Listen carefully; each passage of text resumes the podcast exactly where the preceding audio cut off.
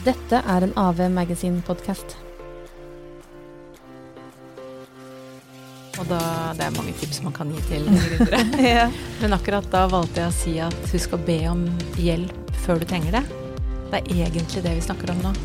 Hvordan kan du sørge for at du har allerede etablert gode og sterke relasjoner før du trenger dem? Mm. Så du faktisk har vært i en gjensidighetssituasjon kanskje opptil flere ganger fordi det er eh, gledelig og nyttig, før det blir nødvendig.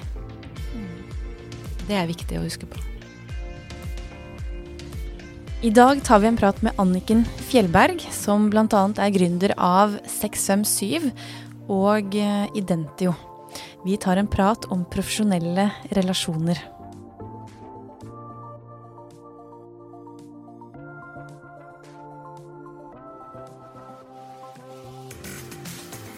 Hei, Anniken Fjellberg. Hei, Anna. Så hyggelig at du kunne bli med på en episode i dag. Veldig hyggelig å få komme. Du har jo, eh, eller for meg da, så er du i hvert fall en, en stor inspirasjon og, og, god rollemodell for eh, spesielt eh, kvinner som har lyst til å gå inn i startup-verden, tenker jeg. Eh, og veldig mange andre i tillegg. Eh, og, eh, og da, vi, da, jeg inviterte deg hit, så sa du at ja, vi må ha et fokus. Eh, ikke bare en sånn eh, generell eh, prat. Eh, så det vi har valgt oss ut i dag, er rett og slett dette med profesjonelle relasjoner eh, som tematikk. Og det tror jeg flere kan ha nytte av. Vi går rundt og snakker om nettverk og nettverk og verdien av nettverk, og det er viktig å bygge seg et nettverk, og hva får jeg ut av et nettverk, osv. Eh, og til tider så syns jeg at det kan være litt sånn eh, flåsete, eh, på en måte. Fordi nettverk er ikke bare et eh, nettverk. Eh, nå hoppa jeg rett inn i det, Anniken, men eh, vi kan ta introduksjonen. Bra, det var en bra innhopping. ja, vi kan ta en introduksjon av, av deg også, litt sånn underveis. Mm. men du har jo nå vært i startup-miljøet siden 2000 12. 12, ikke sant? Så det er godt over ti år og, og vært med og gründa 657. Eh, en av de første co-working-stedene i Norge. Mm. Eh, og, og, der er det jo mange mennesker som er involvert også. Ja, og det har vært mange gjennom systemet vårt de siste ti årene. Så apropos nettverk, så blir det jo ganske enormt når du er lenge i, kall det et miljø, da. Mm. Mm. Det gjelder jo alle som som eh, finner en plass som de trives med og blir der en stund, så får man jo, som ringer i vann på en måte, nettverk gjennom, gjennom årene. Mm. Mm. Mm. Så til alle de som da tenker at jeg må bygge nettverket og jeg må sørge for at det blir bedre, og spesielt kanskje nå i litt sånn krisetider, hvor det er mm. flere som kanskje blir permittert og, og sagt opp og, og sånne ting, mm. så er det jo da også at uh, gode relasjoner da kan uh, ja. komme til gode. Ja, ja, absolutt. Nettverk er kjempeviktig. Så det er ikke noe å diskutere, egentlig. Men det som er interessant, er jo å plukke litt i det ordet og se hva nettverk egentlig betyr. Mm. Fordi eh, sånn som det brukes, så er det jo noe Det er litt sånn um, ryggmargsord blitt, ikke sant. Jobb med nettverksbygging, nettverk er viktig, du trenger det når du, når du står i en eller annen krise, osv.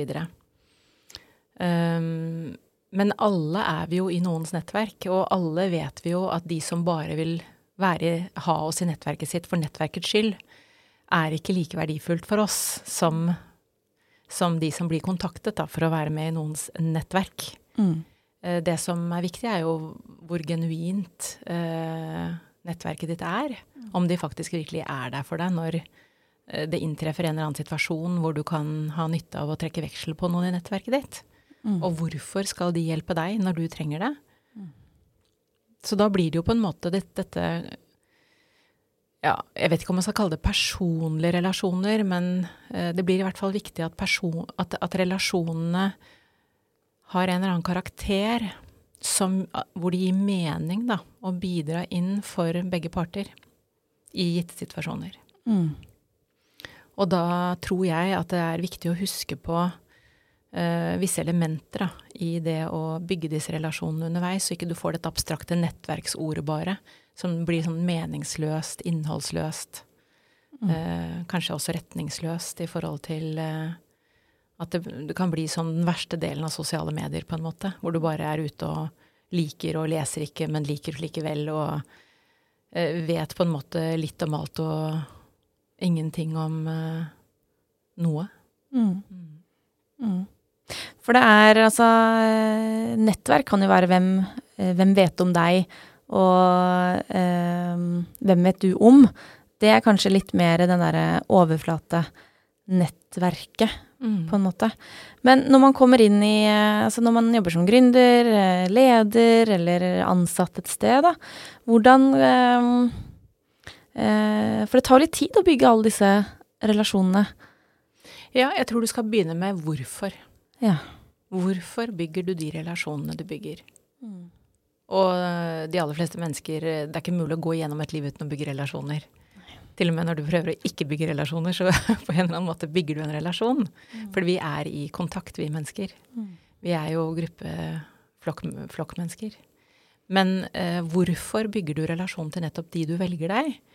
Og eh, jeg tror at det er viktig å for det første kjenne seg selv godt nok til å forstå hvilke mennesker som resonnerer i deg selv, som du kan ha glede av, og som kanskje også kan ha glede av å kjenne deg. Eh, Det blir alltid en berikel, ekstra berikelse, vil jeg si, av en relasjon når man kanskje har noen felles interesser, eller deler verdigrunnlag, eller eh, er eksperter på samme område, eller ønsker seg å lære noe om samme område. Hvis man har et eller annet kontekstuelt felles, så kan man dele noe. Og det vil jeg jo si kjennetegner eh, nettverksmedlemmer, at det er noe man har felles eller deler. Så, så der eh, begynner det jo med å stille seg selv noen spørsmål. Hva er jeg ute etter? Hva er viktig for meg? Mm. Men da ikke nødvendigvis bare på det 'hva kan jeg få ut av deg'? Nei. Hva kan jeg bidra med? Ja. Det er kanskje det viktigste vi har lært eh, i disse ti årene på 657, da. Ehm, Det er jo at vi har spurt oss selv hva kan vi bidra med til de som sitter her? Eh, Vel så mye som eh, hvordan kan vi utnytte vårt nettverk? Uh, og så betyr ikke det at ikke vi har spurt uh, gründere som har sittet hos oss om referanser og sånt noe, for det gjør vi jo. Men uh, vi er forsiktige med det hvis ikke vi tror at de gründerne vi spør om det, har fått noe igjen av å sitte her, eller være i vårt eh, i vårt, uh, kall det miljø, da, eller utvidede space. Mm. Mm. Så det er en gjensidighet som ligger til grunn for gode relasjoner, som man ikke skal kimse av. Dette er eh, forskningsbasert. Jeg er også sertifisert i påvirkningsteori av Robert Cialdini, som er eh, en av verdens aller fremste guruer innenfor påvirkningspsykologi og sosialpsykologi. Da. Og det er syv prinsipper for påvirkning som gjelder overalt i hele verden, som er kulturuavhengige, kan du si, som, som bare ligger der som en del av det å være menneske i uh, kulturer og samfunn. Og to av de prinsippene, de, um, de regulerer på en måte uh, relasjoner, da, kan man si. Og det ene er gjensidighetsprinsippet, og det andre er like og bli likt. Prinsippet om å like og bli likt. Og gjensidighetsprinsippet, det handler om at du bygger sterke relasjoner når du de Altså reciprocity handler om å gi gaver, da. Gjensidighet handler om å gi gaver. Gaver kan være hva som helst. Det kan være å gi et råd. Eller det kan være å bare lytte. Gi noen et rom. Eller øh, øh, gjøre en tjeneste. Altså det kan være hva som helst. Du kan bare tenke deg selv. Kreativiteten eh, bør ikke sette en stopper for, for hva som vil oppleves som en gave av et annet menneske. Men idet du har fått i gang en sånn gjensidighetsloop, da, som det heter, så kan den vare i årevis. Og hvis du har lyst til å sette i gang en gjensidighetsloop, så må du være den første til å gi. Og da er det viktig at det, det du gir, uansett hva det er, er meningsfullt. Eh, og kanskje også litt overraskende første gangen, sånn at det blir en sånn positiv opplevelse. Eh, og jeg tror uh, med, det, med den innstillingen, da, hva kan jeg gi? Så vil du oppleve at folk får, når det er genuint selvfølgelig og ikke beregnelig, så vil du oppleve at folk uh, ønsker å gi noe tilbake. Mm.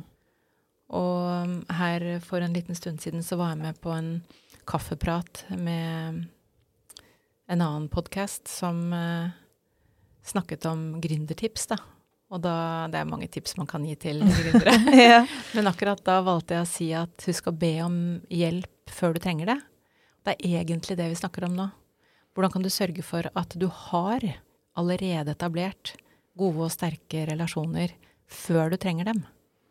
Mm. Så du faktisk har vært i en gjensidighetssituasjon kanskje opptil flere ganger fordi det er eh, gledelig og nyttig, før det blir nødvendig. Mm. Det er viktig å huske på. Mm. Jeg kjenner veldig stor forskjell på de gründerne som ringer meg når de er i desperat pengeangst. Ja. Eh, I forhold til de som ringer meg og sier at du, vi har egentlig overtegnet denne runden, men vi har så lyst til å ha deg med. Ja. Og så er det jo lett å sjekke om det stemmer, selvfølgelig. Mm. Men, men det er stor forskjell på de to forespørslene. Mm. Så Men hvordan da Har du noen konkrete eksempler på hvordan å f.eks. starte denne gjensidighetsloopen?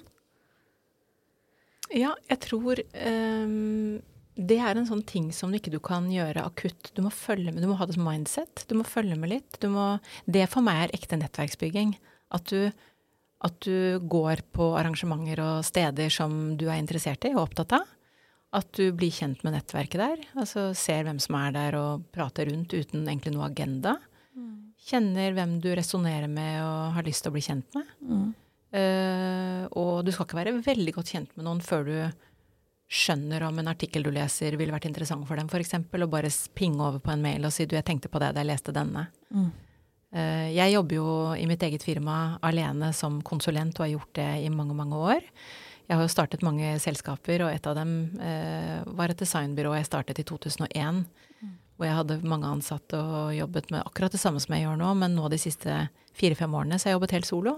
Mm. Så jeg er helt avhengig av å jobbe på denne måten for å ha kundetilgang. Det er klart jeg har noen kunder som jeg har hatt i mange, mange år, som bruker meg igjen og igjen, men det er fint å ha tilgang på nye kunder også.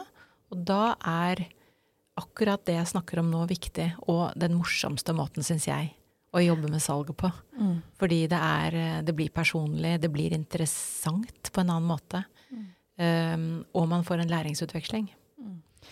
Så det betyr også at når jeg lever mitt eget liv og sitter med morgenkaffen og leser avisen, eller er på en kino for den saks skyld, Mm. så tenker jo jeg på de jeg har møtt nylig. Og da vil jeg jo koble ofte, så oftere tror jeg enn man tenker over, så kobler man uh, hendelser med tanker. Uh, I hvert fall gjør jeg det.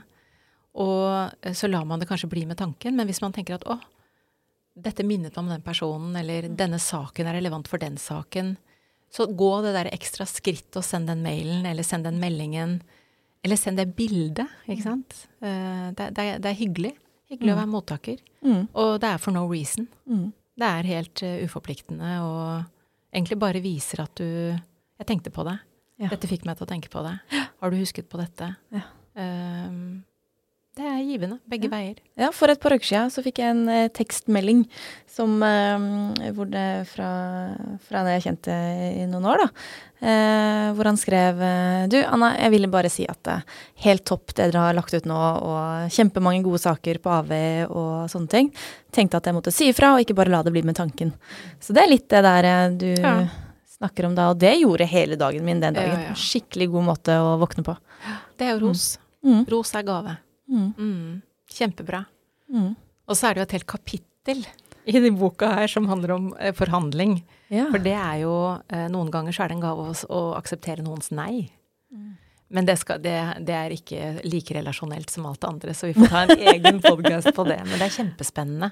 Ja. Akkurat dette her med, med eh, gaver og gjensidighet og relasjonsbygging, og hvor stor på en måte eh, leverage, da, eller slack om du vil, du kan ha i nettverket ditt eller blant relasjonene dine når det røyner litt på. Mm. Sant? Hvis du er i en tøff forhandlingssituasjon f.eks., hvordan bruker du gjensidighetsprinsippet da? Hvordan bygger du relasjon når du er dypt uenig, og du er nødt for å få til noe? Dette er jo næringslivets hverdag. Det er politikernes hverdag. Mm. LO og NHOs hverdag. Sant? Mm. Og det er samarbeid er eh, ekstremt viktig for å lykkes. Og det å evne å samarbeide og bruke relasjoner eh, kall det upartisk og saklig. Eh, og vi har jo en markedsføringslov her i landet hvor det du har jo, du har ikke lov, Det er ikke lov med tilgift. altså Du har ikke lov å gi en gave for å vinne på det. Mm. Altså, dette er jo snakk om å, å, evne å bygge gode relasjoner noen ganger på tross av også. Mm. Og det er en kunst eh, som igjen vil styrke nettverket ditt hvis du evner å, å, gjøre det. Vi møter folk igjen og igjen og igjen i dette bitte lille landet vårt. Mm. Så det er om å gjøre å ikke brenne noen broer. Mm. Samtidig selvfølgelig som man skal beholde sin egen integritet. Ja. Hva tenker du er grunnen til at folk ikke gjør dette? Eller er det noe, er det noe ting som stopper denne relasjonsbyggingen hos visse folk? Eh, det er det helt sikkert. Jeg tror kanskje aller først så handler det om at man er ubevisst muligheten. Eh, og muligheten da til å bygge, eh, kall det aktive og bevisste relasjoner, da. Mm. At man er ubevisst. Mm. Og bare er den man er, og kanskje gadd man ikke akkurat da å sende den meldingen, eller gi den rosen, eller stå opp for det man trodde. Man unngår hele situasjonen, ikke sant. Det å skygge banen på en eller annen måte, da. Mm. Det er jo ikke sikkert at det gjør noe på kort sikt, men på lang sikt så vil det sannsynligvis være tap av muligheter. Mm. Det er det ene. Det andre kan jo være at man har en eller annen form for blokkering. ikke sant? At man Kanskje har man et snev av sosial angst, eller kanskje er man kjempenervøs for å stå på scenen, eller øh, kanskje syns man sjefen sin er skummel, eller at man syns det er vanskelig å be om penger hvis man er en gründer. Det mm. kan være hundre ting. Men alle er kanskje kjent med sin egen um, barriere. Da ville jeg jo tatt tak i den på en eller annen måte. Mm. Hm. Ja. Jeg bare tenker at jeg har vært um, i samtale med ja, eller tidligere, da da jeg studerte, så er det så lett å tenke 'hva får jeg ut av dette?' Mm. Uh, at det er det man går inn med. Og den syns jeg blir litt sånn um, uh, ja, ja, som du sier, det, at man må bygge det før du trenger det. Ja, eller kanskje ikke nødvendigvis ha den derre Men det er helt greit å tenke 'hva får jeg ut av dette?' Fordi hvis man er hvis det er mange om beinet, hvis det er en konkurransesituasjon, man har lyst til å vinne, man har lyst til å få den jobben, og det er 100 søkere, ikke sant. Det er jo situasjoner i livet hvor man skal konkurrere, og at det går sport i det. Mm. Det er helt ok. Mm. Så nå snakket jeg vel egentlig mer om generell relasjonsbygging, men uh, det er veldig mange gode eksempler på uh, mennesker som har tenkt at jeg vil ha den mentoren. Og den mentoren har ingenting egentlig å vinne på å være min mentor, men det skal jeg pinadø få til fordi den det vil bare være det beste for meg akkurat nå. Mm. Og da begynner, jo, begynner det jo på en måte inni oss selv med hva vil jeg ha, og hvordan kan jeg få det? Mm. Det, er, det er, jeg mener det er et godt utgangspunkt. Mm. Spørsmålet er hvilken strategi du legger. Hvordan er det du da nærmer deg ønsket ditt, målet ditt? Og da er jo det neste spørsmålet du stiller deg, what's in it for the other person? Hva kan den andre vinne på? Å være i dialog med meg? Og det vil jo avhenge av situasjonen og menneskene. Så det kan ikke jeg sitte her og fabulere om hva kunne vært. Men i en mentorsituasjon, som jeg har vært ofte i selv, så kan jeg jo si at veldig ambisiøse unge mennesker som skal skape spennende bedrifter Hvis jeg får et inntrykk av at den personen som spør meg om det, er en sånn person, så vil jeg jo bli interessert.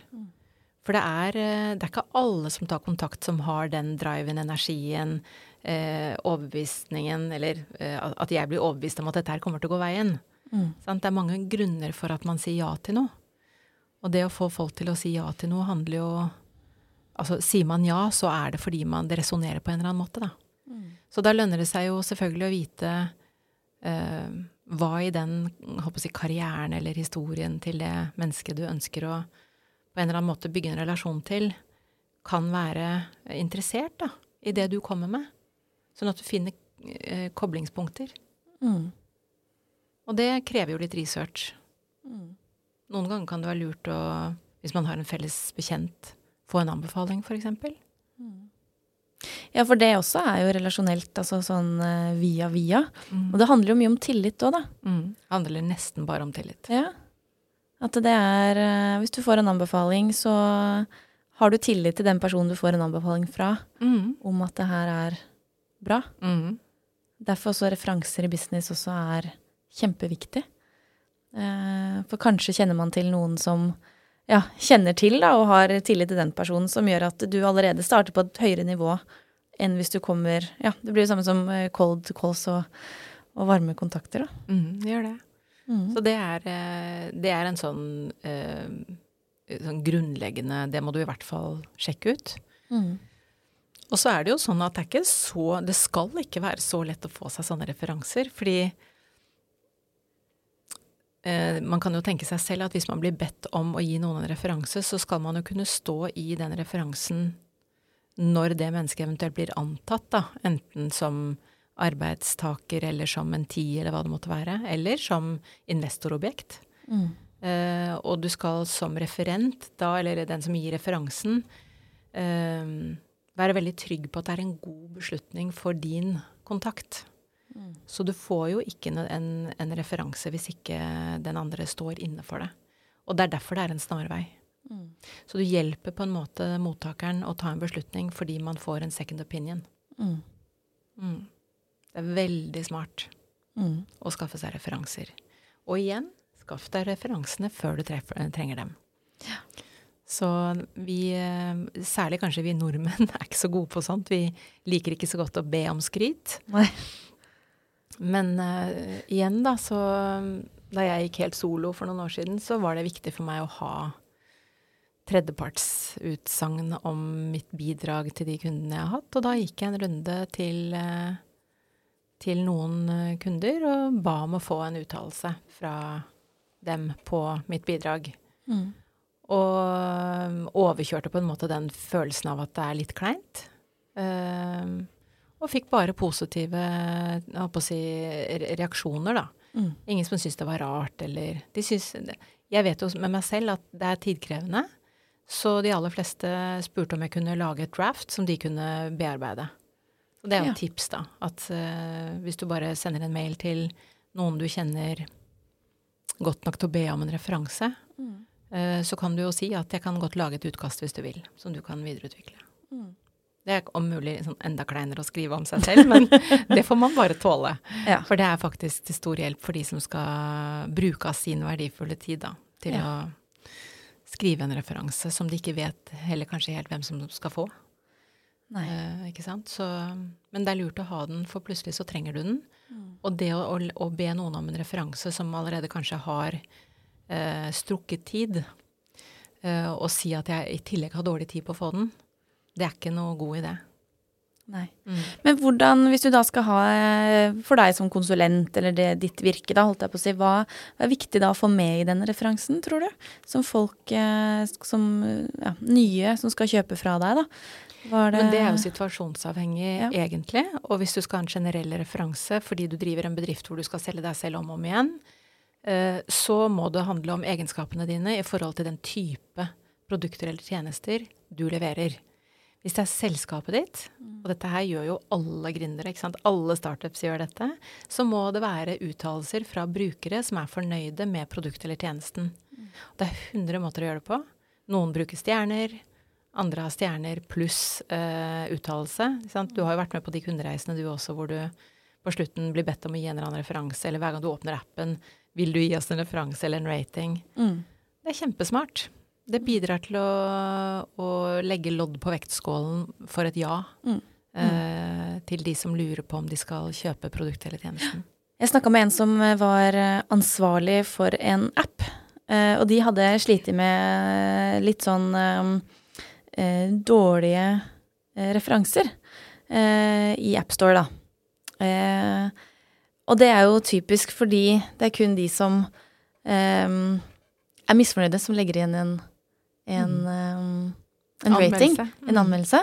Uh, men de hadde heller aldri spurt om å få referanser. Mm. Og med en gang de da spurte, så gikk den liksom på topp ja. uh, igjen. Så man var nødt til å spørre om det også. Mm. Være helt aktiv på å be om det. Mm. Uh, og ikke bare la det skje. Ja, du må liksom skjønne gamet der du er. Og hvis mm. du er i AppStore, eller på en eller annen form for AppStore, så er du nødt for å forstå hvordan mekanismen er. Mm. Og det er en av mekanismene. Mm. Um, Men du trenger ikke å Altså, det, det, eh, det gjelder jo startups som lager apper, f.eks. Men når du er på f.eks. da um, fundingrunde, da, Ja. så trenger du ikke nødvendigvis å ha en skriftlig anbefaling fra noen. Men det å få en introduksjon eh, For eksempel så har vi på 6M7 mange ganger hjulpet eh, Creative Tech Startups med å finne eh, Eller å få møter da, med investorer som forstår litt mer av creative tech-spacet enn det mange investorer i Norge gjør. De er ikke så kjent med det spacet fra før. Eh, så det å bare sende en mail med en intro Hei, Oskar, møt Trine. Eh, hun er, han er. Vær så god, tror dere vi har glede av å, å treffes. Mm. Da går man ikke inn og snakker om egenskaper nødvendigvis, men man en, man åpner en dør. Mm. Det kan være like verdifullt. Mm. Så det er mange måter å be om referanser på. Mm. Og nå som, eh, nå som markedet er litt ned, altså folk tviholder litt grann mer på, på pengene sine, da, både bedrifter og privatpersoner, hvordan kan sånn type relasjonsbygging eh, komme godt til nytte nå? Ja, mange, på mange måter. Eh, det er klart, er man i nød nå, og ikke har forberedt seg på denne situasjonen som vi er i nå, så, så er det nå er det vanskelig å få hjelp eh, til eh, kanskje det man trenger mest hjelp til, da, som er kapital. Eh, men det er mange andre ting man kan gjøre. For eksempel så, paradoksalt nok, så syns jeg sånne situasjoner som vi er i nå, bør egentlig stimulere oss alle sammen til å tenke enda oftere på hva kan jeg bidra med nå?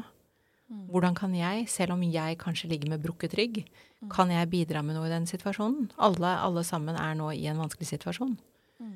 Um, det er også å bygge relasjon. Du bygger relasjon i nedkonjunktur òg. Um, men skal du ha noe av noen nå, da tenker jeg at da skal du være litt forsiktig med hva du ber om også, så du, viser i din spørsmål, eh, spørsmålsstilling at du forstår konteksten, og at du forstår også motpartens situasjon. Um, at du har på deg på en måte uh, litt sånn fintfølenhet, da. Er man desperat, så skinner det veldig tydelig gjennom. Mm. Så det ville jeg tenkt meg godt om i forhold til eh, ja, å legge strategier, da. Vi holdt jo på å gå konkurs 657 under pandemien. Eh, det gjorde jo mange. Vi la tre strategier. En for eh, konkurs, eh, for det skal jo også planlegges hvis man må det. Én en for eh, å samarbeide med våre viktigste verdikjedepartnere eh, og overleve gjennom det. Og en for eh, en mirakuløs exit, at noen kom og sa 'vi kjøper dere billig'. Ja. Eh, og eh, vi planla for alle tre parallelt. Eh, ikke så aktivt på den oppkjøpsbiten. Det var mer en sånn 'tenk om det kom en tryllefe'. Ja. Men heldigvis så skjedde ikke det heller, da, for da hadde vi jo Ja, eh, det, det ble den beste tenkelige løsningen. Som da var at vi samarbeidet med verdikjedepartnerne våre, som er selvfølgelig gårdeier og virkemiddelapparatet og medlemmene våre. Mm.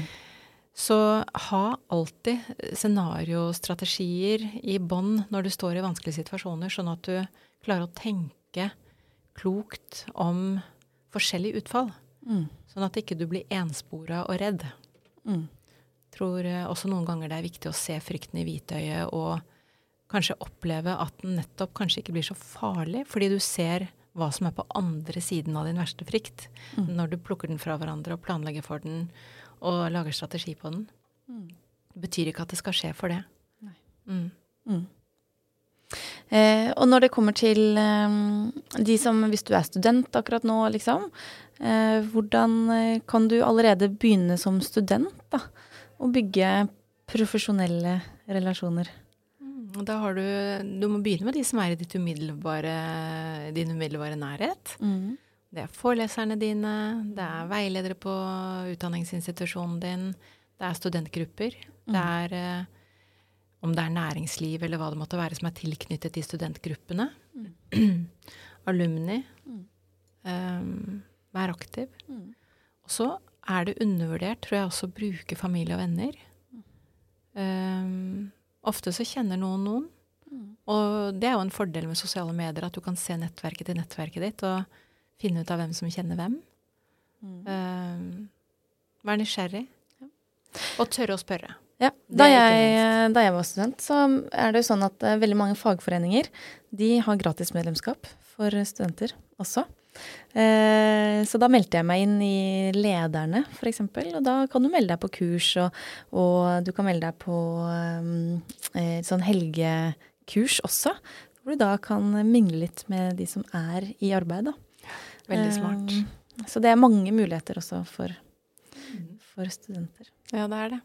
Mm. Um, så jeg tror hvis du vil bli lagt merke til, Mm. så er det fint å, å være til stede der hvor du har lyst til å um, I de miljøene du har lyst til å bli en del av, da. Mm. Jeg jobber med um, et advokatselskap for tiden, hvor han ene sa det veldig bra. Han sa altså, hvis man skal være ekspert på noe, så må man gå i ett med tapeten i de bransjene. Du må sitte i styrer og råd og utvalg, og, og så er det ikke egentlig lønnsom arbeidstid alt sammen, men det er en investering i det å få den posisjonen. Mm. Og det er veldig godt sagt, for det er det det handler om. Du må bli sett på som en del av miljøet. Mm. Og da kan du ikke være overalt hele tiden. Du må egentlig ha en utvelgelsesprosess, sånn at ikke du brenner deg ut. Fordi jeg tror hvis du Apropos det du sa innledningsvis, da, hvis du bare skal bygge nettverk for å bygge nettverk, så kan du veldig fort brenne deg ut, for du blir på en måte Det blir ikke noe substans i det. Du må vite hvorfor du har lyst til å bygge det nettverket. Mm. Og ha en genuin interesse Mm. for det feltet. Og da gir det mening. Jeg snakka med en eh, gründer for en tid tilbake som sa at eh, nå At det kunne noen ganger være litt utfordrende å skille hvem som er genuine, og hvem som bare vil kjenne deg.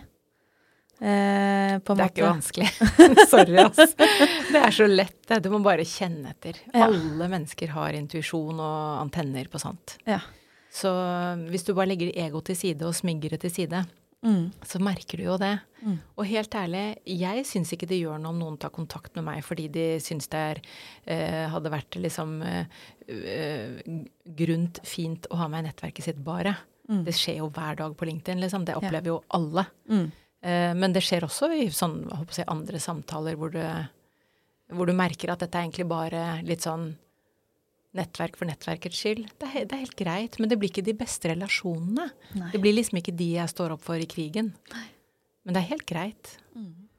Uh, men uh, men eh, jeg er uenig i den påstanden at det er vanskelig å merke forskjell på det, for å være helt ærlig. Ja.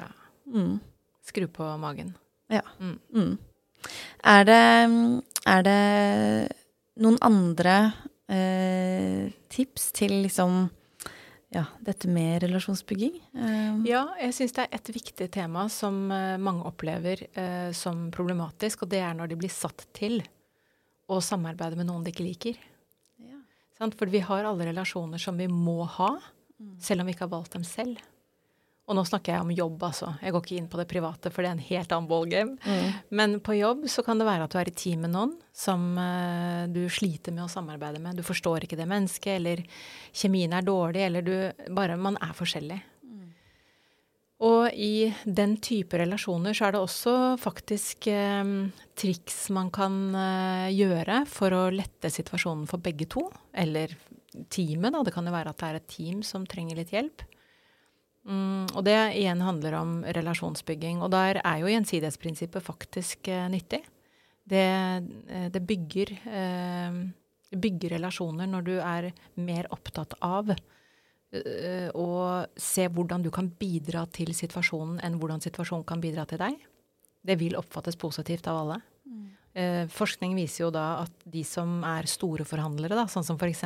LO og NHO, ble gjort en studie i England av tilsvarende LO og NHO i England over ni år. Altså de nasjonale forhandlingene som går hvert år på lønn. Eh, og de som eh, fikk best resultater i de ni årene, det var de som de kalte expert negotiators.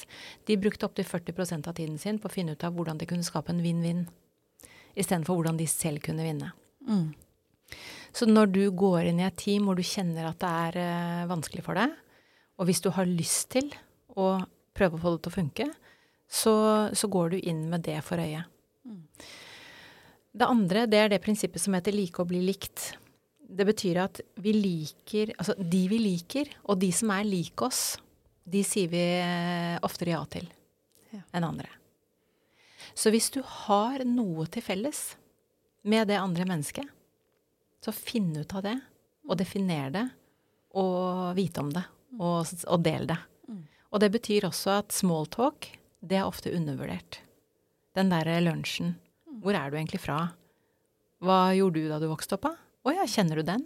Driver du også med fotball? Altså, alt det der bygger relasjon og bidrar til at vi liker hverandre bedre og får noe felles, og dermed har mer lyst til å samarbeide. Mm. Samarbeid i seg selv skaper også liking, og dermed eh, jeg håper si, en høyere sannsynlighet for et ja, da. Ja. Ja. Og da, da kom jeg på noe sånn eh, Jeg holdt jeg på å si forskjellen på den derre fredagspilsen eller torsdagspilsen, eh, hvor eh, Eller jeg har hørt, i hvert fall, eh, om at eh, det er lettere for eh, gutta å ta den eh, torsdagspilsen, holdt jeg på å si, etter jobb, enn Og det er flere da damer som sier nei til å bli med på det. Eh, er det noe du Hvorfor? Nei, jeg vet ikke. Altså, jeg tror bare noen eh, Snakka med liksom folk i sånne store selskaper, da. Uh, hvor de nei, jentene de skal ut og trene, og de må jo rekke det og det. Mens gutta ja, ja, selvfølgelig, så tar vi denne torsdagspilsen. Nei, jeg visste ikke at det var sånn. Nei, så Jeg tror ikke det er sånn i min generasjon. Men, eh, men eh, nei, det vet ikke jeg noe om, så det har ikke jeg noe tall på eller noe innsikt i. Men jeg tror igjen når, Det er klart at hvis det er eh, 20 gutter og én jente, så er det, det er det stor ulikhet, da. Ja. Eh, det er noe med å ha en balanse i gruppa. Mm. Eh, jeg aner ikke om det er det du sikter til, men, men det er klart at her kommer jo inkludering inn fra sidelinjen Mm. hvis det er, eh, hvis det er eh, Man skal ha lyst, da, Ja. til å, å henge. Ja. Eh, og det er jo et felles ansvar å sørge for at det, er, eh, at det oppleves som inkluderende eh, i sånne situasjoner. Og det handler også om eh, eh, relasjonsbygging eh, til syvende og sist. Ja. At man eh, skaper rom for alle til å delta. Ja, for det er jo noe med disse uformelle settingene, da, som eh, bygger mer relasjoner, kanskje, enn de som er opplagte. Ja, ikke mer, men annerledes. Annerledes. Så hvis du har en 100% relasjon, så er deler av den relasjonen uformell, og deler av den er formell. Og inni der igjen kan du fragmentere den opp i masse andre ulike komponenter. Mm. Så eh, noen ganger så setter man jo en grense og sier f.eks. til seg selv at nei, denne relasjonen ønsker jeg skal være profesjonell, jeg har ikke lyst til å ha en privat type setting inni den relasjonen. Det er jo helt eh, helt ålreit eh, å sette en sånn grense. Mm. Um, min erfaring er at de profesjonelle relasjonene jeg har som jeg har hatt i årevis Jeg har kunder som jeg har hatt siden 90-tallet. Altså det er sånn sykt lange relasjoner Mm. som er eh, fantastiske, som jeg setter enorm pris på. Eh, der er det klart at der har de vært gjennom Altså, de kjenner meg gjennom to barnefødsler, eh, to ekteskap, eh, fire gründerreiser. Og jeg kjenner også deres karrierer, ikke sant. Så, så der blir det jo nødvendigvis fremdeles en profesjonell relasjon. Men vi kjenner hverandre også som mennesker. Og det For meg som type så er det verdifullt. Jeg er sånn som liker det. Det er jo ikke alle som liker det. Det er også greit. Eh, Der må man finne ut av hva som er eh, komfortabelt for en selv. Men det er jo ikke noe jeg har tvunget frem. Det har jo oppstått naturlig gjennom at vi har jobbet sammen i mange, mange år. I forskjellige bedrifter og forskjellige faser av livet. Så, så sånn sett så kan du si at lange relasjoner kan ofte bli dypere. Og, og kanskje mer solide eh, enn eh, korte forelskelser, da, om du vil. Eh, hvis du kan bruke det på, som i overført betydning på jobbrelasjoner. Man kan jo på en måte få en enorm begeistring veldig fort eh, i eh, relasjoner, og det er jo helt nydelig når det skjer. Og så er det, en- det er en annen type relasjon enn de som er der over tid og, Mm. og, og har et, en annen karakter, da. Mm. Nei, det er, eh, det er viktig å ta vare på, på hverandre og dyrke litt de menneskelige relasjonene. Da. Det er det som ofte også varer, eh, hvis de er gode, da, Mm. over tid. Ja, og det er jo liksom merkevarebygging. Det er jo noe av det jeg jobber mye med. En merkevare har jo også relasjon til sine eh, tilhengere, da, for å kalle det det. Kunder eller brukere. Og det er en emosjonell relasjon. Det er derfor det er en merkevare. Det er intangibles. ikke sant? Er, du, kan ikke du, kan ikke forklare det med rasjonale. Du, du, har en følelse. Du betaler mer mm. for noe du kunne fått billigere fordi det er en merkevare. Mm. Det er en relasjon. Mm. Og når du har en altså Teoretisk sett så ser vi også at det stemmer at hvis en merkevare driter seg ut, så tilgir vi den. Ofte ikke bare én gang, men to ganger også, men kanskje ikke tre. Mm. Så det samme gjelder også vi mennesker i relasjon. Jeg kan også drite meg ut og bli tilgitt hvis jeg har en god relasjon. Mm. Også med kunder. Mm. Du får rett og slett litt mer slack hvis mm. du har bygget en god relasjon over tid. Ja. Og du kan også merke selv at du kan gi noen mer slack når du bryr deg om dem. Ja. For vi er jo til slutt uh, alle mennesker. Vi trenger det. Vi ja. trenger slack. Ja. Det går ikke an Nei. å gå gjennom livet uten å knirke innimellom. Det er ingen som er supermennesker. Ja. Nei. Så eh, relasjoner er jo det vi mennesker egentlig er eh, lagd for. Det skaper trygghet og tilhørighet, ikke mm. minst. Ja. Mm. Så det er superspennende. Det er komponenten som liksom inngår i psykologi, i kultur, i, i veldig mange fagområder som handler om ledelse. I kjernen så har du relasjoner. Og til syvende og sist din relasjon med deg selv. Mm. Hvis du pusler det fra hverandre alt sammen, så er det jo de samme komponentene. Veldig, veldig spennende felt og område å være bevisst på. Jeg tror det er det det begynner med. Å bare være bevisst mm. uten å være kynisk. Være. Hvordan er jeg i relasjon til andre, og hvilken relasjon andre til meg? Ja, men aller først min relasjon med meg selv. Ja. Det er det det begynner med. Det er der det genuine kommer fra. Ja. Mm. Da tror jeg vi skal avslutte med det. Det er veldig, jeg tenker at det her er eh, noe vi kan ja, ta en liten titt på hos, eh, hos, hverandre og i oss selv. Ja, Spennende å snakke om. Mm, mm. Mm. Eh, for til syvende og sist så er vi jo bare mennesker.